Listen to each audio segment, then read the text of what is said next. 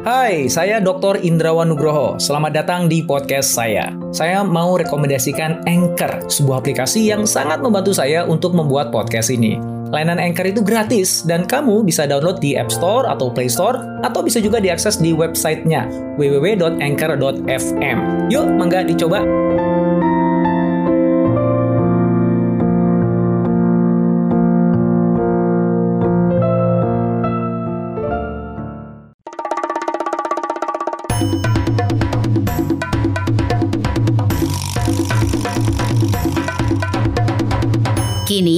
Podcast Network. Halo teman-teman semuanya, hari ini kita dapat tamu yang spesial banget. Ada Cinta Laura, ada Nina Nugroho. Dua-duanya adalah perempuan cantik, perempuan yang tangguh dan punya karya. Nah, hari ini kita akan ngomongin tentang bisnis dan juga bagaimana mereka bisa menginspirasi teman-teman semuanya untuk punya karya dan punya kontribusi untuk masyarakat sekitar.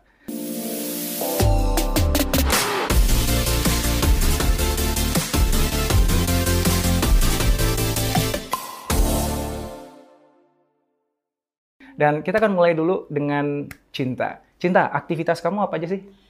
Akhir-akhir ini. Yes. Oke, jadi di awal tahun aku memulai tahun 2022 itu dengan syuting sebuah series yang akan tayang di platform OTT mungkin setelah Idul Fitri. Dan itu syutingnya di Bali bersama banyak apa ya cast yang sangat-sangat hebat dan aku senang banget kerja sama mereka.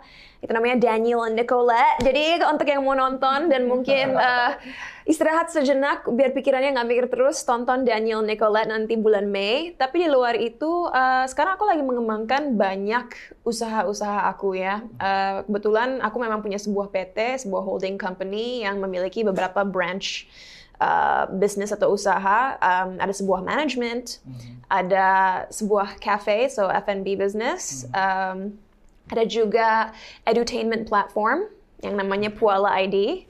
So um, dan ada rencana-rencana lain juga ke depannya untuk mungkin berkembang ke arah um, real estate. Jadi uh, you know mungkin orang-orang kebanyakan kenal aku sebagai aktris, penyanyi, dan juga terkadang social activist. Tapi aku baru sadar sekarang setelah lebih dewasa sedikit bahwa ternyata berbisnis itu asik juga ya. so yeah, that's what I'm busy with at the Wow. moment. Oke, kalau Mbak Nina, apa aktivitasnya akhir-akhir ini? Kalau cinta mungkin nggak harus memperkenalkan diri ya, karena sudah ya. Eh, saya Nina Nugroho, aktivitasnya eh, sebagai fashion designer sekarang ini gitu, membawahi tiga buah brand, Nina Nugroho, Essensia by Nina Nugroho, dan yang baru kemarin launching itu ada Her Story. Nah, yang menariknya dari masing-masing brand itu membawa pesan sih sebenarnya gitu kan untuk para customernya gitu. Nina Nugroho mulai dari 2016, kemudian eh, Her Story terakhir itu dari 2022 baru aja gitu. Kenapa dinamain Her Story? Mungkin nanti bisa dielaborasi lagi. Selain itu juga eh, aktif di gerakan Aku Berdaya. Eh, ada di bawah payungnya Nina Nugroho, Cinta. Gerakan Aku Berdaya ini tujuannya adalah untuk eh, yuk kita sama-sama melejitkan keberdayaan perempuan Indonesia melalui em, sama-sama kita Passion, belajar ya. gitu kan untuk em, mendobrak mentalitas perempuan dan diperkuat dengan desain-desain yang ada di uh, busana fashionnya Nina Nugroho. Karena Nina Nugroho itu kan pendekatannya pakai psychological fashion. Hmm. Kebetulan saya juga belajar tentang itu gitu. Hmm. Jadi em, di situ kita Hmm. sama-sama melalui profesi saya gitu, Hmm. eh, Mas Indra. em, gimana sih caranya? Apa yang bisa kita lakukan Hmm. melalui profesi saya, melalui karya saya, melalui desain saya Hmm. gitu eh, bisa melejitkan keberdayaan perempuan Indonesia. Lagi sibuk itu. I would Wow. love to hear more about that psychological fashion. Nanti cerita lagi ya. That sounds cool. Psychological fashion. Nah, sebelum ngomongin psychological fashion dan juga ini kalau dengar tadi ya bisnisnya Cinta, wow banyak banget ya dari cafe, kemudian ada edu teh, Um, edutainment. edutainment, kemudian kalau Mbak Nina sendiri tadi bisnis fashionnya udah sampai ke second brand bahkan gitu. Nah kita akan bahas tentang hal itu tuh, gimana sih mereka mendirikannya dan bagaimana strateginya. Tapi sebelum sampai ke sana nih, kalau lihat dari dari aktivitasnya teman-teman semua di sini kan ya, kan banyak banget gitu ya kayak Cinta sendiri ya, aktris iya, musisi iya, model masih modeling nggak sekarang? Nggak pernah modeling sih dari dulu. Bukan model. Not professional model dalam konteks itu ya. Dan pengusaha usahanya juga banyak banget ya. Bahkan tadi Cinta mengatakan bahwa akhirnya aku kayaknya menemukan apa sih kesenangan baru yang yang yang mungkin bahkan lebih lebih asik dibandingkan profesi sebelumnya. Nah itu kita kita pengen pengen gali lebih lanjut ya. Nah sebelum sampai ke sana nih ketika Mbak Nina Cinta melakukan semua aktivitas tadi pasti kan didasari pada uh, ada keinginan tertentu gitu ya. Um, atau ada sesuatu yang yang menggerakkan. Karena you don't have to do that. Nggak, nggak harus kok teman-teman melakukan itu kok gitu ya. Bisa santai aja bisa relax saja atau apa pun yang dilakukan bisa. Tapi and yet teman-teman memilih melakukan sesuatu yang nggak mudah tadi. Yeah.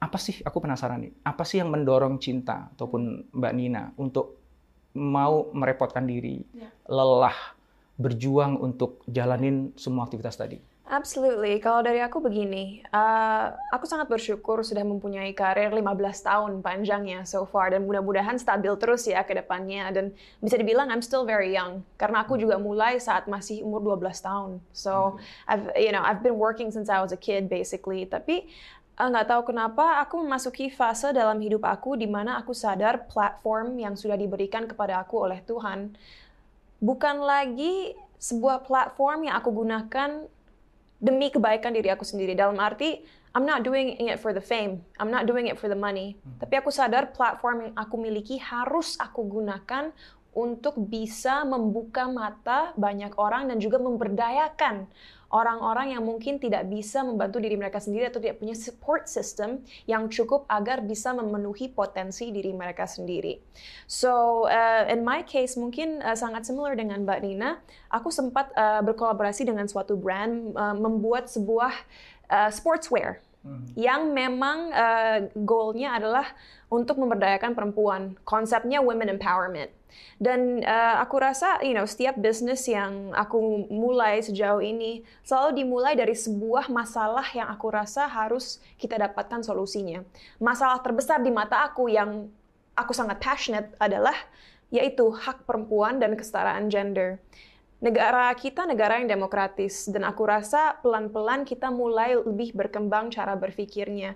Tapi walaupun begitu, kita tidak bisa uh, ignore the fact bahwa masih sangat kurang female role models yang ada di pop culture kita, di kehidupan sehari-hari kita, sehingga walaupun mungkin di perkotaan seperti Jakarta atau Bandung atau Medan atau I don't know Surabaya, perempuan sudah mulai lebih percaya diri dan sadar akan potensi mereka, kita tidak boleh lupa dengan perempuan-perempuan yang tinggal di daerah lebih terpencil, yang tidak mempunyai akses yang sama seperti kita, sehari-hari mereka lebih cenderung melihat perempuan yang mungkin ya tidak sekolah sampai selesai dan akhirnya berumah tangga dan hidup mereka seperti itu aja. Dan jangan salah, I'm not saying that getting married and having kids isn't something wonderful. Bukan itu sama sekali, tapi bukan berarti itu jalan hidup semua orang. Dan bukan berarti kita harus dipaksa untuk mengikuti jalan hidup itu kalau bukan itu yang kita inginkan. We should have a choice. Just like men, women deserve to make their own decisions and choose their own lives gitu. Jadi kalau dengan sportswear brand aku waktu itu, aku ingin semua perempuan Indonesia, apa pun bentuk badan mereka, apa pun warna kulit mereka, apa pun kepercayaan mereka sadar bahwa mereka harus percaya diri dan bagaimana uh, untuk percaya diri ya yaitu dengan menjaga tubuh kita, menjaga kesehatan kita through exercise. You know, and sometimes even if you don't like to exercise, kalau kita udah memasuki peran untuk berolahraga, kalau baju yang kita kenakan membuat kita confident, itu akan lebih memotivasi kita untuk menjalani hidup yang sehat juga. Dan aku nggak mau terlalu bertele-tele uh, terlalu panjang, because I want to hear all about Mbak Nina. tapi nanti mungkin uh, Mas Indrawan bisa tanya aku lagi. Tapi satu lagi dengan manajemen aku misalnya, aku mempunyai sebuah manajemen yang baru aku dirikan tahun ini, yaitu Revel Icons, yang artinya Icons of Revolution. Karena aku percaya setiap talenta aku harus mau uh, berjuang untuk mendorong perubahan. Jadi aku nggak kalau talent yang aku kembangkan itu hanya ingin ketenaran dan uang, I'm sorry, I'm not the right person for you. What I'm trying to do is not make create future stars. What I'm trying to create is future leaders. Jadi aku kembangkan platform mereka mau itu dalam bidang musik atau acting atau apa pun, tapi end goal-nya adalah dengan platform yang mereka kembangkan, mereka akan menyuarakan sebuah isu yang mereka pedulikan. Aku punya satu talent yang peduli soal hak binatang, satu talent yang peduli soal uh, melestarikan budaya, satu talent yang sangat-sangat mahir tentang NFTs dan juga cryptocurrency. So he's gonna be my digital currency guy. Um, but essentially, I'm building future leaders. Dan kenapa melalui entertainment? Karena kita nggak bisa menghiraukan fakta bahwa media adalah salah satu tool atau medium terkuat yang bisa mendorong sebuah pergeseran paradigma. Media is the most powerful tool. Nice. And so through my management, I hope to build future leaders that can communicate important issues yang dapat membuka pikiran anak muda dan juga membantu mereka berpikir kritis. Wow. Gitu. wow, that's a lot to digest sebenarnya ya. Banyak banget nih. Uh, cinta, aku jamin nanti aku pasti balik nanya lagi ke sana. Psychological fashion apa nih? Nah, sekarang ke Mbak Nina lagi dulu ya. Um, apa sih yang mendorong Mbak Nina? Karena saya kan bangun bisnis di mana pun siapa pun yang bangun pasti nggak mudah ya. Uh, harus ada sesuatu yang ngedorong. Kalau Mbak Nina apa yang ngedorong? Yang pertama sih senada ya sama cinta gitu, value yang memperkuat kita untuk berkarya dan terus memperbaiki diri itu kan pasti value gitu. Kita ingin ber- berbagi kebermanfaatan dengan banyak orang. Itu yang kemudian membuat saya melalui uh, tiga brand tadi gitu, Nina Nugroho Essensia dan Her Story uh, untuk menyampaikan satu pesan yang sama gitu tentang bagaimana melejitkan keberdayaan perempuan Indonesia gitu di masing-masingnya. Kalau di Nina Nugroho fokus kepada melalui desainnya kita uh, sama-sama tahu kan fashion itu is a personal statement. Jadi melalui garis-garis desain ingin mem- me- menyampaikan pesan kepada pemakainya customer Nina Nugroho bahwa ini loh kamu kalau misalnya pakai baju yang sesuai sama kamu, sesuai sama karakternya kamu, sesuai sama apa yang kamu ingin capai, kamu bisa mencapai itu melalui uh, personal statement yang kamu timbulkan uh, dari busana gitu. Jadi pakai baju ini merasa seperti apa gitu. Pakai baju Nugroho merasa percaya diri gitu. Jadi Nah, pesan-pesan itu, itu psychological fashion itu. Dipilih warnanya, dipilih uh, garisnya, dipilih detail-detailnya gitu. Semua um, dipilih bahkan di, di busananya tuh uh, apa namanya ya bau-bau tertentu misalnya kan. Kemudian juga um, dan banyak hal yang mendukung itu. Kemudian juga uh, di bawahnya ada gerakan aku berdaya itu untuk uh, kita sama-sama melejitkan keberdayaan perempuan lewat mendobrak mentalitas karena buat uh, saya pribadi perempuan itu nggak mungkin bisa ngapa-ngapain kalau dia tidak menyadari keberdayaannya Iya. sendiri gitu. Keberdayaan ini sendiri juga saya saya nggak pakai uh, istilah pemberdayaan karena buat saya ke- perempuan itu dari dulunya sudah berdaya sebenarnya. Hanya diberdayakan Betul, hanya situasi kondisinya mereka gitu yang yang membuat mereka untuk alih uh, fokus gitu kan, sehingga seakan-akan keberdayaannya tertutupi oleh kepentingan atau uh, kebutuhan yang lain. Contoh seperti tadi Cinta sudah katakan ya keluarga yang lain dan sebagainya. Padahal perempuan punya pilihan di situ kan, gitu. Nah kita sama-sama belajar uh, banyak platform pembelajarannya, mostly sekarang masih melalui uh, online, ada webinar, live Instagram dan segala macamnya. Semua pendekatannya sama untuk memberi uh, solusi bagi kegelisahan multiperan Indonesia, perempuan Indonesia. Ini loh, kamu gelisahnya di bagian mana? Karir, keluarga, finansial, semua kita berikan uh, solusinya dengan cara ngobrol dengan berbagai macam narasumber. Harapannya mereka nggak termakan informasi hoax gitu ya dari uh, segala macam ya yang beredar gitu di masyarakat. Kemudian itu dari Nanugroho. Untuk Her Story juga ini menarik karena kita mau mengangkat, eh, memperkenalkan keberdayaan perempuan Indonesia itu sebenarnya tidak hanya ada semenjak Indonesia merdeka gitu. Dengan adanya Ibu Kartini, dengan adanya banyak pahlawan yang diperkenalkan, ternyata keberdayaan perempuan Indonesia itu sudah ada sejak dahulu. Nah, melalui brand Her Story ini kita mengangkat keberdayaan perempuan Indonesia yang masa lalu dialihwahanakan melalui produk, ada film fashion series juga gitu, kemudian ada komik juga gitu, ada yang nantinya juga akan mengarah ke NFT juga gitu. Eh, tentang keberdayaan perempuan masa lalu. Ya. Alihwahananya itu ya eh, apa namanya melalui motif-motif yang ada pada saat itu perempuan eh, di zaman eh, abad ke-7 sampai 15 mengangkat perempuan-perempuan keren yang ada pada masa itu untuk diperkenalkan ke perempuan-perempuan muda zaman sekarang. Contohnya apa? Seperti yang kemarin baru launching itu Mahendra Data. Kita mungkin nggak banyak kenal tentang siapa itu Mahendra Data, padahal beliau adalah istri dari Raja Udayana, kemudian ibunda dari uh, Raja Erlangga. Beliau melahirkan tiga orang anak yang semuanya menjadi raja. Luar biasa sekali kan, berarti beliau sebagai seorang perempuan mendidik anak-anaknya, sebagai seorang istri juga beliau sangat luar biasa karena mensupport karir suaminya dan waktu itu beliau punya satu peran yang penting sekali di dunia perpolitikan kerajaan masa itu sebagai uh, pemangku jabatan dan uh, pembuat kebijakan. Artinya saat itu kan perempuan pada saat tidak bisa ber, tidak boleh orang pikir tidak boleh berbicara. Di masa itu di abad ke-9 ternyata sudah bisa menjadi seseorang yang uh, pemangku jabatan, ya. pembuat kebijakan gitu.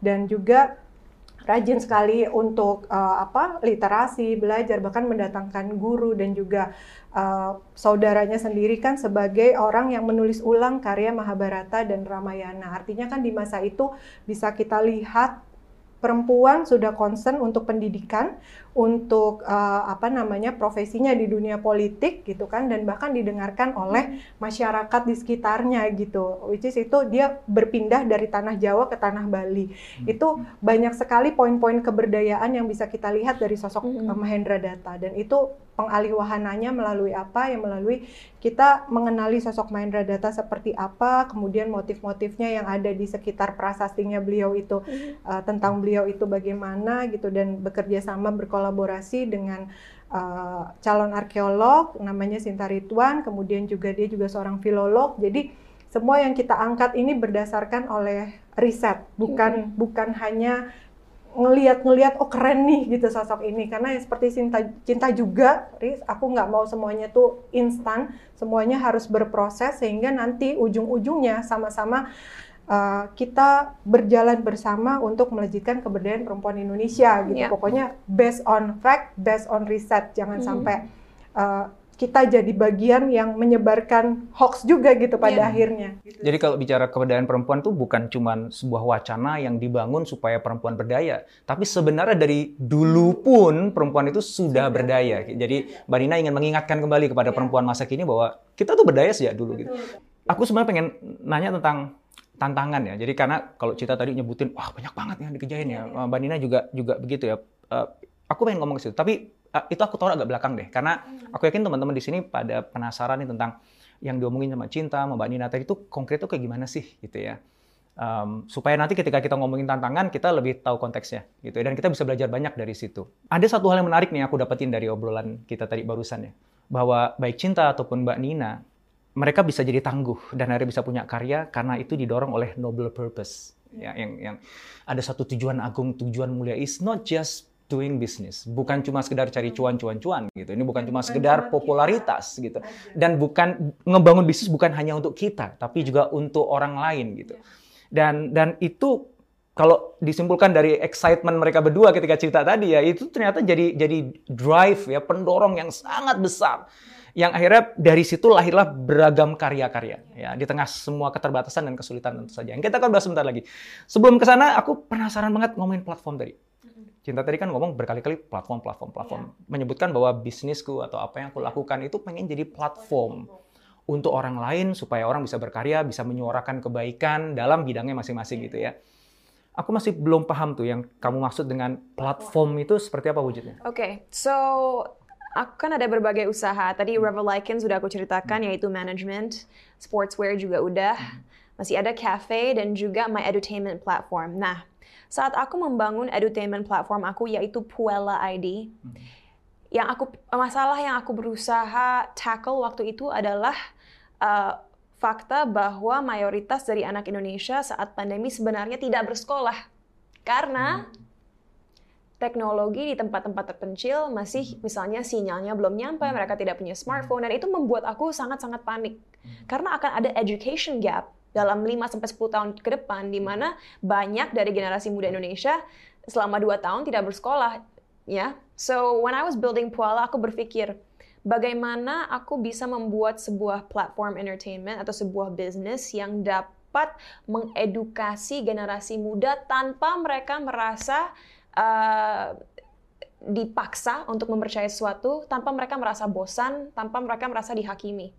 Karena kita tidak bisa, again, ignore faktanya bahwa kalau kita nonton TV misalnya, sangat-sangat sedikit program yang mengajarkan values yang baik. Kalaupun ada values yang baik yang diajarkan, it's boring.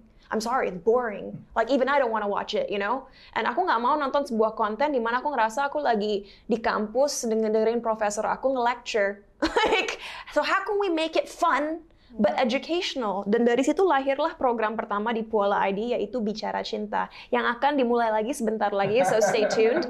Tapi goalnya talk show Bicara Cinta ini adalah mendiskusikan uh, isu-isu sosial yang sering kali dianggap tabu atau tidak boleh dibicarakan di Indonesia. Misalnya identitas gender, bullying, uh, kekerasan seksual, broken home, uh, quarter life crisis, uh, peran perempuan dalam masyarakat kita. All those things, tapi dikemasnya dengan cara yang asik melalui games dan juga values-valuesnya walaupun mungkin masih di tahap surface level, at least anak-anak yang nonton yang mayoritas 13 sampai 25 tahun, mereka mulai sudah uh, teraklimasi dengan apa ya konsep-konsep yang berusaha aku ajarkan gitu.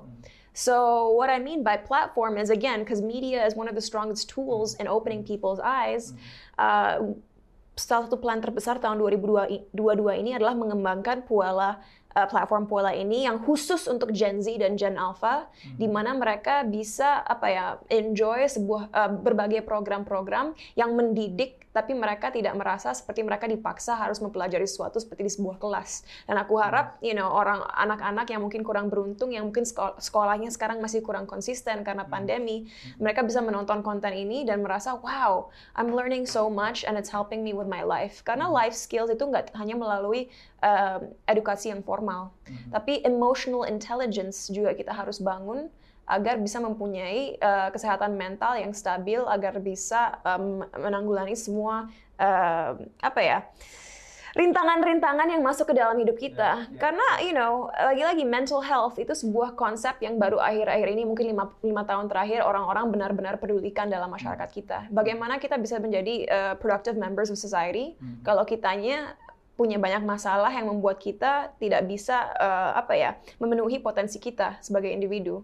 So these are all actually related. They're all one network gitu. Oke, uh, platform itu kan sering kali kan didefinisikan sebagai tempat di mana semua orang bisa ikutan di sana, Yeah. Bisa kontribusi di sana, Yeah. dan semua orang juga bisa dapat benefit di sana, gitu ya. Yes, Nah, I can answer that question. itu. I yeah, okay. Gimana hubungannya So- dengan platform baik Puela ID atau you other business? Kalau Puela ID tersendi- eh, sendiri itu eh, lama kelamaan akan dipenuhi dengan talent-talent aku dari Rebel Likens yang akan mempunyai program-program Oke. mereka sendiri yang mengajarkan values-values yang ingin mereka ajarkan. Tapi eh, 7 Februari lalu sebenarnya aku baru memulai sebuah gerakan yang namanya Act of Love. Act of Love ini adalah sebuah gerakan yang dibagi ke tiga kategori yaitu eh, kepedulian lingkungan, disruptive learning, dan juga uh, kegiatan sosial.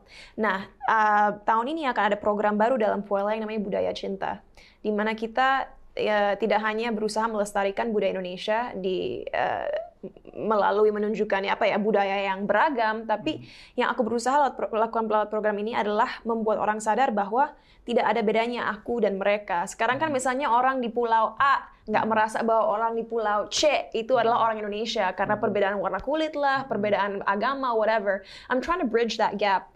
Dan dengan Act of Love ini, aku akan memiliki sebuah tim di mana kita akan mengunjungi berbagai pelosok Indonesia dan melihat apa kebutuhan mereka di situ. Dan di situ kita akan mengajak anak-anak muda di sana untuk menjadi Act of Love ambassadors gitu, di mana mereka akan ikut berkontribusi di tiga kategori yang aku bicarakan tadi, memberdayakan dan mengedukasi orang setempat agar mereka yaitu em, apa ya gap antara orang-orang di kota dan orang-orang di daerah-daerah terpencil tidak terlalu jauh Wow. bedanya. So it's a very long-term plan, but yeah. it's we're already executing these things gitu. Jadi sebenarnya aku punya itu adalah sebuah network. Aku nggak bisa terlalu bilang ini bisnis makanan, ini Yeah. bisnis entertainment. Karena semua yang aku lakukan sekarang adalah membangun sebuah network yang interconnected dan misinya semua sama.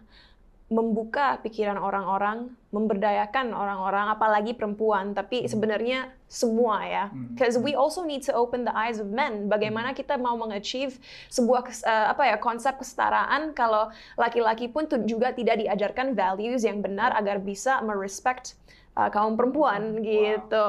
Jadi platformnya ini online and offline ya, both O2O ya. Aku aku sendiri akan mengunjungi tempat-tempat ini juga. Jadi selaku membuat sebuah eh, apa ya em, sebuah program yang bisa dinikmati oleh banyak orang secara online, kita juga mau membuat dampak long term yang nyata, di mana kita akan melihat kebutuhan eh, desa setempat atau daerah setempat dan you know melalui CSR program kita misalnya membangun sekolah, membangun tiang listrik agar mereka punya electricity, membangun eh, apa ya fasilitas-fasilitas agar mereka punya eh, akses air bersih. We're thinking about all these things. Uh, dan aku nggak mau apa ya gimana caranya tanpa bertele-tele tapi sebenarnya cafe pun walaupun mungkin orang mikir "Ah, cinta buka cafe bagaimana benefitnya kepada orang lain. Think about it this way kota New York kan sebenarnya terbagi ada daerah yang sangat-sangat kaya, ada daerah yang mungkin hipster dan ada daerah yang bisa dibilang ya ghetto ya, orang bilang ghetto. Tapi bagaimana kita tahu saat sebuah tempat menjadi lebih berkembang It's through the gentrification of the area, right? Kalau kita mulai lihat fast food chain ada di sana, kita tahu bahwa uh, area tersebut akan berkembang seiring berjalannya waktu. And that's the same with my cafe. Cafe aku tidak dibuka di kota besar, nggak ada di Jakarta. Karena plannya aku akan buka di second cities. You know, kota-kota yang lebih kecil karena aku ingin orang-orang setempat bisa mempunyai fasilitas yang sama seperti kita di kota, tapi dengan harga yang terjangkau gitu. And you know, again, mereka nggak akan merasa sangat isolated dan jauh dari kita yang di ibu kota gitu. And also, I, I also hire young people, you know. I'm, yeah, I'm employing the youth so that they know what it feels like to work gitu. Hai, sebelum kita lanjut podcastnya, kamu sudah pernah dengar Anchor kan? Anchor adalah all-in-one podcast editing platform yang saya gunakan untuk rekaman, edit suara, tambah lagu, dan semua hal dalam pembuatan podcast yang sedang kamu dengerin ini. Anchor bisa membantu kamu bikin podcast kamu sendiri loh. Caranya gampang, tinggal download dari App Store atau Play Store, atau bisa juga diakses di www.anchor.fm. Download Anchor sekarang ya. In the F&B industry, uh, 18 Coffee. Sudah ada di berapa kota saat ini? Ah, baru buka yang pertama Oktober 2021, tapi sekarang kita sudah uh, siap-siap membuka uh, franchise lagi di Alam Sutra, di Malang, dan juga uh, Makassar. Wow, wow.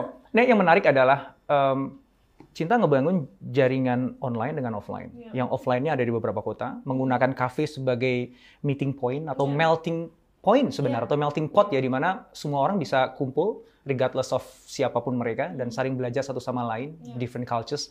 Jadi ada tempat ketemu fisiknya, tapi kemudian di-amplify secara online menggunakan em, platform eh, tadi ya, yang yang yang Cinta juga punya talent-talent yang ada. Ada ada satu yang eh, ketika Cinta tadi mengatakan ini bisa jadi CSR nih, membantu untuk air bersih di sana, untuk pendidikan di sana gitu.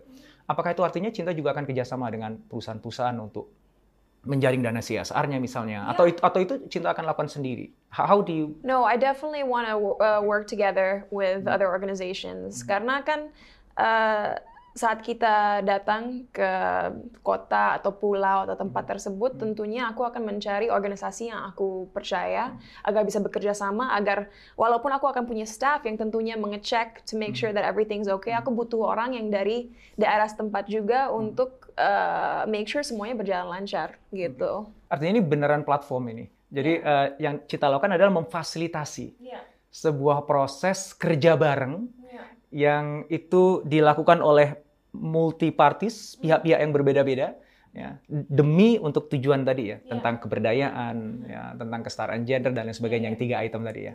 Keren. Eh, Mbak Nina sekarang Em, tadi Mbak Nina nyebut gerakan aku berdaya. Kemudian juga sempat nyebut tentang Nina Nugroho sebagai fashion brand. Kemudian ada her story ini yang terakhir ini. Bagaimana tadi kalau cinta cerita semuanya tuh nyambung gitu ya. Nah kalau Mbak Nina sendiri bagaimana tuh kesinambungan dari semua yang Mbak Nina tadi ceritakan dan bagaimana itu bisa berkontribusi pada akhirnya untuk noble purpose-nya Mbak Nina tadi ya untuk melejitkan keberdayaan perempuan. Ya, tadi udah sempat disampaikan sih tentang bagaimana busana uh, dari Nina Nugroho bisa menghantarkan seorang perempuan untuk mencapai sesuatu gitu. Kalau kebanyakan ya di mana-mana menurut hasil riset sederhana yang sudah dilakukan perempuan itu punya tantangan tidak bisa bersuara gitu karena nggak pede misalnya kan mm-hmm. karena mereka merasa hmm, dirinya nggak cukup kuat untuk berbicara gitu misalnya nah melalui busana kita ingin me, me, me, me, apa ya elaborasi perasaan bahwa kamu tuh bisa melakukan sesuatu gitu jadi mm-hmm. di tingkatkan dulu percaya dirinya melalui penggunaan busana tertentu hmm. dalam hal ini Nina Nugroho kemudian dari situ kalau sudah percaya diri tentunya mereka bisa punya lebih banyak keinginan dan kemampuan untuk berkarya. Kalau sudah punya karya, pastinya mereka juga akan uh, punya keinginan juga untuk lebih berdaya gitu sih. Hmm. Itu kalau kalau secara Jadi sebuah siklus gitu ya. Berangkat siklus. mungkin nggak pede, Ya. Tapi bisa jadi dipancing dengan busana yang membuat dia pede karena tadi ya ada psikologi di balik busananya ya, warna, pilihan bahan, garis-garis, model gitu ya. Tiba-tiba bisa ya. Jadi pakai busana tertentu tiba-tiba jadi pede gitu ya. ya. That happens to you too. Kayaknya kalau cinta dari awal udah udah pede dari lahir ya. Atau enggak?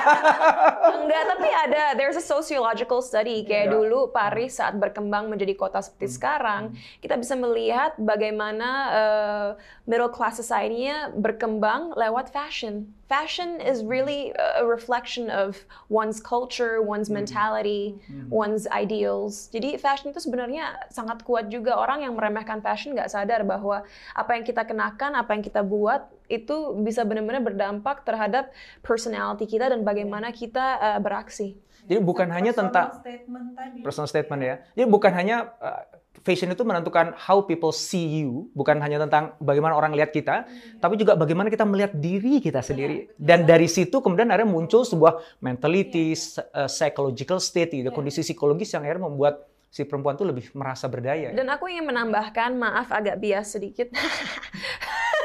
Tapi aku ingin mengatakan bahwa yang terpenting dari fashion menurut aku adalah bagaimana item tersebut, pakaian tersebut membuat kita merasa confident dan bagaimana itu menunjukkan identitas kita. Kenapa aku yeah. mengatakan itu? Sekarang di Indonesia lagi sering ada fenomena di mana apalagi untuk perempuan ya, yang menurut aku sangat tidak adil. Misalnya perempuan mengenakan baju yang agak eksentrik atau mungkin agak seksi atau mungkin agak gimana, orang-orang langsung menghakimi. Hmm. Udah waktunya kita memberdayakan. Aku tahu perempuan sudah berdaya. I like to use women are capable, yeah. hmm. tapi women sometimes are not aware of their capabilities. Yeah. Mm-hmm. That's why we have to empower them. Mm. I think it's just a matter of kosakata. Yeah. Um, tapi makanya uh, what was I gonna say? Makanya penting sekali kita memberikan atau mengajarkan perempuan-perempuan mindset yang layak mereka punya. Karena maaf ya, kadang-kadang aku suka kok berbusana seksi. Ini pilihan pribadi aku.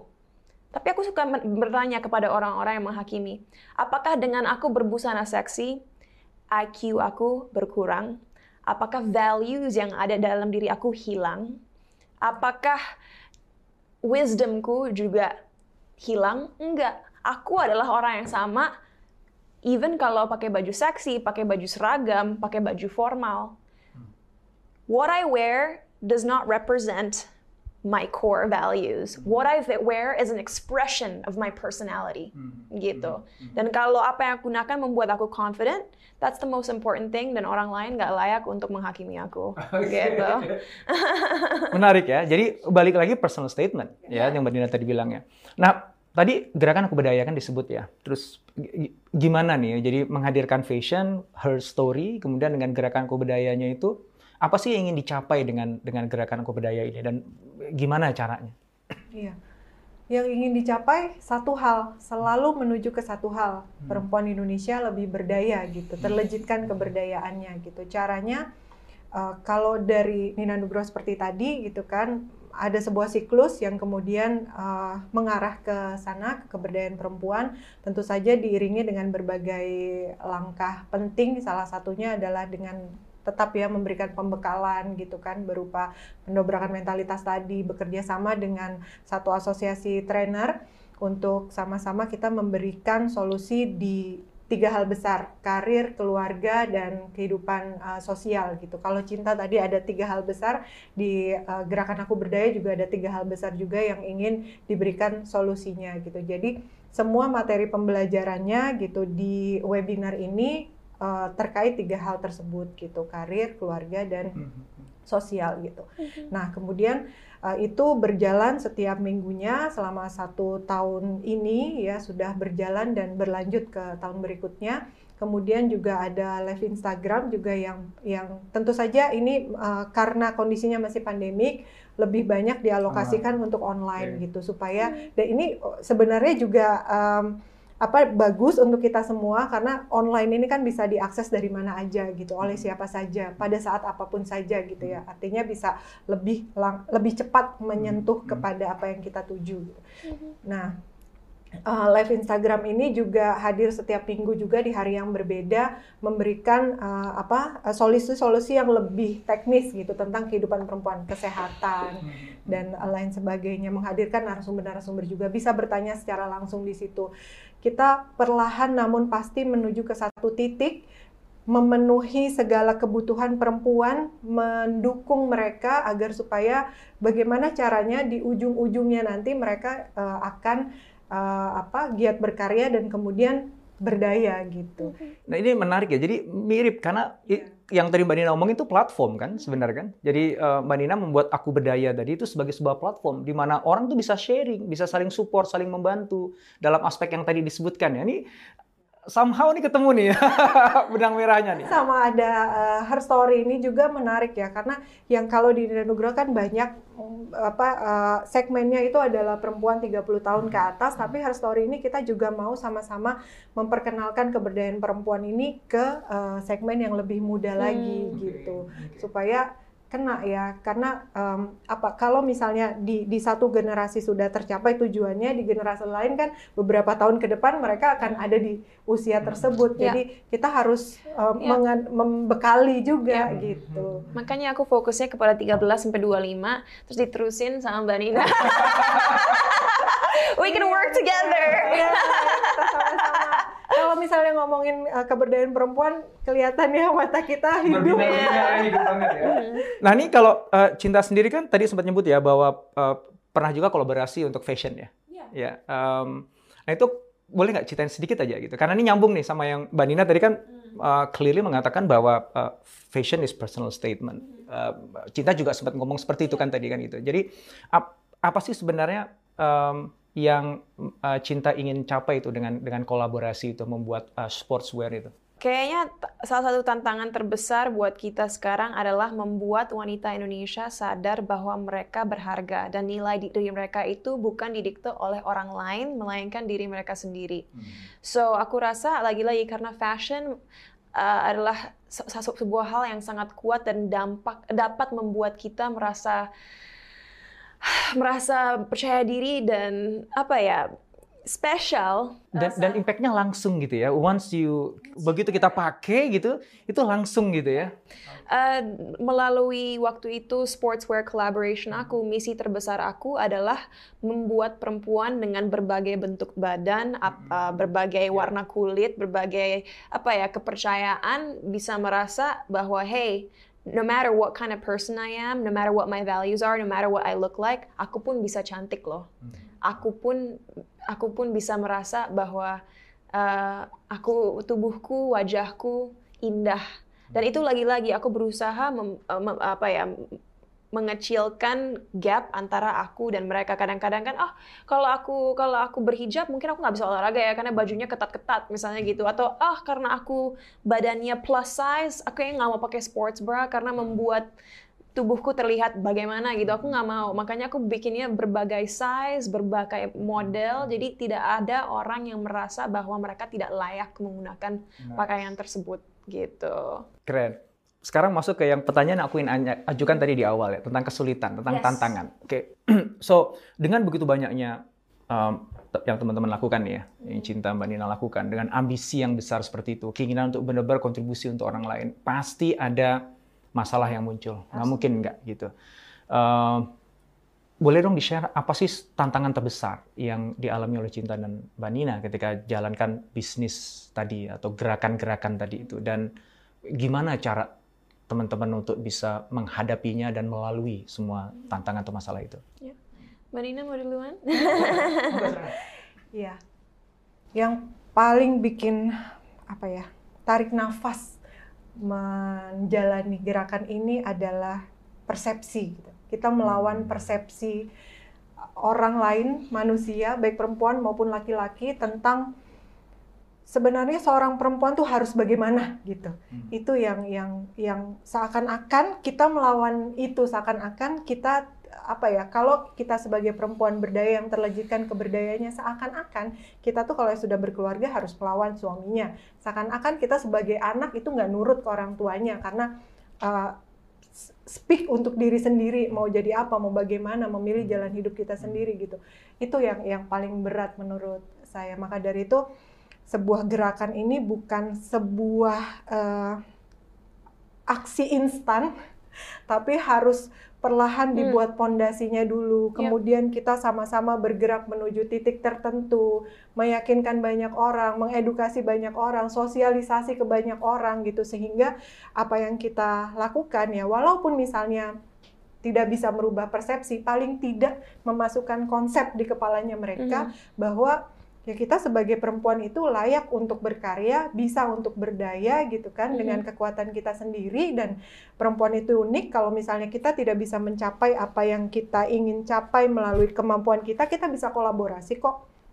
Kita bisa memadukan berbagai macam keunikan perempuan, uh, saya, cinta, mungkin nanti perempuan lain lagi gitu kan, untuk sama-sama apa nih uh, spesifikasinya masing-masing untuk menajamkan ke satu karya bersama seperti Her Story itu kan peleburan antara dua dunia sejarah yeah. dengan fashion yang yeah. Belum pernah kepikiran pastinya sejak uh, dulu gitu kan dan sekarang alhamdulillah bisa kejadian gitu. Nah yang seperti itu kita punya kekuatan masing-masing satu di bidang sejarah yang kerjanya baca prasasti, filolog, uh, peninggalan dan segala macam. Saya punya uh, passion di bagian fashion gitu kan dan itu bisa di dikolaborasikan untuk menjadi satu karya tertentu dan mudah-mudahan itu bisa merubah persepsi atau paling tidak untuk langkah awal pembangunan uh, mentalitas mendobrak mentalitas dan membangun pondasi ini bisa uh, masuk dulu deh konsep itu gitu bahwa hmm. perempuan itu um, berdaya gitu sejak dulu gitu. Yeah.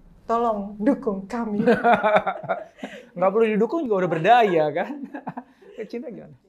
Sebenarnya tantangannya yang aku lihat di depan mata yang sangat kuat adalah ini semua untuk merubah paradigma orang-orang akan memakan waktu.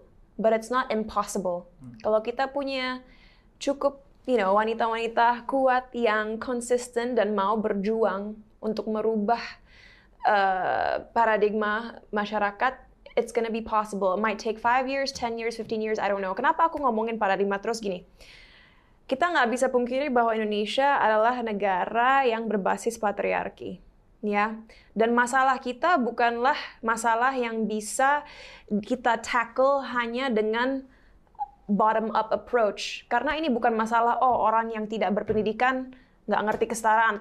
Sebenarnya it's, it's a systemic problem. Karena kita bisa lihat dalam setiap setiap sektor, mau itu di pemerintahan, di kepolisian, di perusahaan-perusahaan besar, orang-orang yang sangat berpendidikan, yang status sosialnya pun bisa dibilang sangat-sangat tinggi, banyak dari mereka tidak mengerti konsep kesetaraan gender, tidak menghargai satu sama lain, dan kekerasan dan pelecehan tetap terjadi. So it's a it's a systemic problem yang harus kita atasi nggak hanya dari bottom up approach tapi top down approach karena setiap orang setiap setiap penduduk Indonesia aku rasa harus diingatkan atau diajarkan soal values-values kesetaraan ini. So that's the problem, but that's why karena aku memang dari kecil bekerjanya di dunia entertainment, aku harus fokus juga dengan bagaimana aku mau membantu uh, mengatasi masalah ini. Dan karena memang aku besarnya di entertainment I'm trying to help through media through entertainment. Karena apa pun status uh, sosial kita, apa pun uh, status ekonomi kita, aku rasa semua orang mengkonsumsi YouTube, semua orang uh, nggak semua orang sih, tapi banyak orang suka ke bioskop, banyak orang suka nonton TV. you know? And if we can slowly incept inception jadinya the youth dengan aku harap values values yang mengajarkan uh, menghargai satu sama lain kesetaraan uh, bagaimana mempunyai moral compass yang kuat pelan-pelan kita akan melihat perubahan yang nyata. So uh, untuk uh, apa ya menjawab secara singkat, yang kita punya adalah systemic problem yang nggak hanya bisa kita uh, hadapi dengan mengajarkan misalnya anak kecil di sekolah, tapi harus semua orang dalam masyarakat kita diajarkan. As I said, bottom up and top down, nggak bisa hanya bottom up approach. Gitu. Wow. Sebenarnya saya masih punya banyak pertanyaan untuk diajukan ke, ke kita dan Mbak Nina. Cuman karena waktu kita agak terbatas, aku ingin langsung lompat ke pertanyaan terakhir aja. Okay. Um, ini teman-teman yang ikut menyaksikan uh, uh, talk show ini um, pasti punya keinginan juga nih untuk punya karya. Ya. Tapi bisa jadi entah karena situasi atau entah karena apa pun alasannya, sometimes mereka kemudian akhirnya nggak kunjung melakukan sesuatu. Kalaupun sudah melakukan sesuatu, kemudian ternyata ada masalah, kendala, akhirnya berhenti ya. Nah, terlepas dari dari situasi setiap orang yang berbeda-beda. Ya. Dari Cinta juga udah mengatakan hal yang sama ya, Mbak Nina juga gitu. Kalau menurut teman-teman nih, Cinta dan Mbak Nina nih, um, sebagai orang yang sudah sudah bergerak ya. duluan, ya hadir sebagai um, perempuan tangguh yang yang ingin berkontribusi untuk masyarakat dengan caranya sendiri, ya. dengan jalannya sendiri. Uh, apa yang teman-teman bisa share nih, hmm. bisa sampaikan ya ke teman-teman di sini ya supaya mereka juga juga punya semangat berkarya nggak pantang menyerah dan akhirnya uh, bisa kontribusi juga untuk ya. masyarakat. Yang pasti kalau dari aku, aku nggak punya formula yang bisa menggaranti bahwa teman-teman yang nonton hari ini akan mempunyai bisnis yang sukses. Aku nggak punya formula yang pasti menjanjikan sukses. Tapi yang aku bisa katakan adalah, pertama, kalian harus sadar bahwa kegagalan itu adalah sebuah hal yang indah karena kegagalan membuat kita uh, belajar dari kesalahan kita, membuat kita lebih wise, membuat kita lebih kuat dan kalau kita pintar membuat kita lebih adaptive dan mencari tahu bagaimana kita bisa melakukan hal tersebut lebih baik di masa depan. So see failure as something beautiful. Hmm. Because if you never fail, you'll you'll never you'll never appreciate your success. I love failing. I've failed so many times. Nggak di-expose aja, tapi sering kok. Dan kegagalan lah yang membuat kita akhirnya lebih sabar menjalani proses dalam berbisnis. Hmm. Hmm. Karena nggak ada suatu hal yang indah yang terjadi secara instan. That's what I believe. Itu pertama. Kedua, lakukanlah riset Jangan hanya melakukan sebuah bisnis karena lagi ngetrend atau teman-teman kalian melakukannya. You have to be willing to put in the work, do your research. Saat aku misalnya memulai Puela waktu itu, uh, edutainment platform aku, aku ngelakuin research apa sih yang uh, youtuber-youtuber lain lakukan di TV apa aja sih program-programnya? How can I fill the gap in the market? Karena kita nggak mau jadi bagian dari an oversaturated market, hmm. you know. Kalau kita mau bikin sebuah variety show udah banyak banget like even if you do want to make a variety show, bagaimana kamu bisa membedakan variety show kamu dari orang lain? Bagaimana kamu bisa membedakan produk kamu walaupun hanya roti misalnya beda dari yang lain? What is the differentiating point? You need to do market research to know that. Dan market research bukan berarti kalian harus menjadi seorang researcher yang handal ya. Cukup online, benar-benar take the time. Ada bisnis apa apa aja sih di di daerah kalian yang mungkin sama? apa sih keunggulan mereka, apa kekurangan mereka, apa yang bisa kamu lakukan yang beda dari mereka, apa yang bisa kamu lakukan untuk membuat orang attracted dengan produk yang kamu punya. Gitu. That's that's simple. I think this is like the sim simple formula in business, right? Put in the effort, do the research, and the rest is all about consistency yeah. and the right business partners and the right staff gitu. Dan siap untuk bangkit kembali ketika gagal, yeah. learning from the process, yeah. do it better the next time. Iya, yeah, wow. exactly. Pesannya untuk perempuan muda Indonesia ya, ingat bahwa kalian itu berharga. Jadi kalau misalnya mau ada sesuatu yang mau di-achieve dalam hidup, ya lakukanlah, mulailah gitu. Kalau misalnya nanti uh, apa tidak tercapai, cari lagi apa nih yang bisa dilakukan gitu. Karena um, semua bisa dicapai, semua bisa dilakukan, semua bisa uh, bisa jadi orang yang punya karya, semua bisa jadi perempuan yang berdaya. Yang perlu kita lakukan pertama kali adalah hargai diri kita sendiri, bahagiakan diri kita sendiri, kemudian uh, beri manfaat ke sebanyak mungkin orang lain gitu melalui karya-karyanya kita. Jadi mulai evaluasi, kemudian kalau gagal mulai lagi, Mhm. evaluasi lagi Mhm. gitu. Itu uh, never ending Ya. proses untuk mencapai apa yang ingin Mhm. kita lakukan gitu. Iya. Dan bagi perempuan yang nonton acara ini hari ini, ingat bahwa eh, kalian harus berusaha menjadi role model yang kalian ingin lihat dalam hidup kalian. Ya, karena itulah yang Indonesia butuhkan sekarang. Dengan kalian memberanikan diri untuk mengambil resiko dan memulai sesuatu, kalian memberanikan perempuan-perempuan lain di luar sana untuk melakukan hal yang sama. Karena masalah terbesar sekarang adalah banyak perempuan merasa takut karena mereka merasa sendiri. Tapi kalau ka- kalian berani memulainya sendiri ataupun dengan teman-teman kalian, kalian akan membuktikan dan menjadi eh, contoh nyata bahwa perempuan bisa dan gak ada alasan kenapa perempuan-perempuan lain yang ada di sekitar kalian tidak bisa melakukan sesuatu. Wow, aku merinding dari tadi. Dan ini kayaknya bukan cuma untuk perempuan loh ya, untuk laki-laki juga ini dapat banget nih. Wow, yang pasti aku sih belajar banget eh, sore hari ini. Makasih banget eh, Cinta, Mbak Nina. Ada tiga hal nih teman-teman aku dapat. Pertama adalah noble purpose. Jadi dua perempuan cantik di sini itu bisa tangguh karena memang ada noble purpose di baliknya. Ada sesuatu yang mereka perjuangkan beyond dirinya sendiri. Ya, something greater di luar sana yang mereka perjuangkan. Dan itu jadi sumber energi mereka yang terus membakar sehingga mereka terus bergerak naik. Yang kedua adalah sadar bahwa nggak mungkin semua perubahan besar itu, keinginan, ambisi yang besar tadi itu dikerjakan sendiri, maka teman-teman buat platform. Betul ya? Di mana akhirnya kita bisa kolaborasi, ya, melibatkan banyak orang-orang hebat di bidangnya masing-masing, kita mau orkestrai itu semuanya. Dan yang terakhir, ini dua orang yang kagak ada matinya. jatuh bangkit lagi, jatuh bangkit lagi, diomongin orang, peredam yang belum ready, masyarakat yang masih berpikirnya masih mungkin ya, ya persepsi yang masih jadul, jalan terus ya. Dan kayaknya ya tiga itu deh, yang bukan hanya untuk perempuan tapi juga laki-laki siapa pun di luar sana yang kalau itu dipakai, insya Allah kita semua nanti bisa jadi versi terbaik diri kita dan berikan manfaat. Closing, uh, do you have anything to say uh, sebelum kita tutup, Mbak? Um, now on the spot. Oke, uh, mungkin closing dari aku hanya, um, ayo kita berjuang sama-sama uh, menuju Indonesia yang lebih setara. Karena percayalah aku, kalau aku bilang satu-satunya cara in- negara ini bisa semakin sejahtera, semakin berkembang adalah jika kita semua bisa memenuhi potensi kita sebagai manusia yang tidak dibedakan oleh gender. Very well put. Keren. Mbak Nina?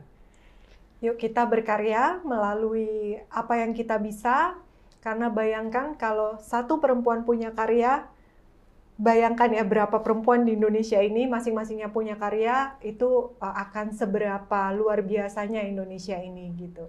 Itu aja sih, jangan takut untuk berkarya, jangan takut untuk mencapai sesuatu, karena kita bisa, perempuan bisa, dan ujung-ujungnya perempuan akan berdaya. Makasih banget waktunya. Cinta, thank you Mbak Nina. Thank you.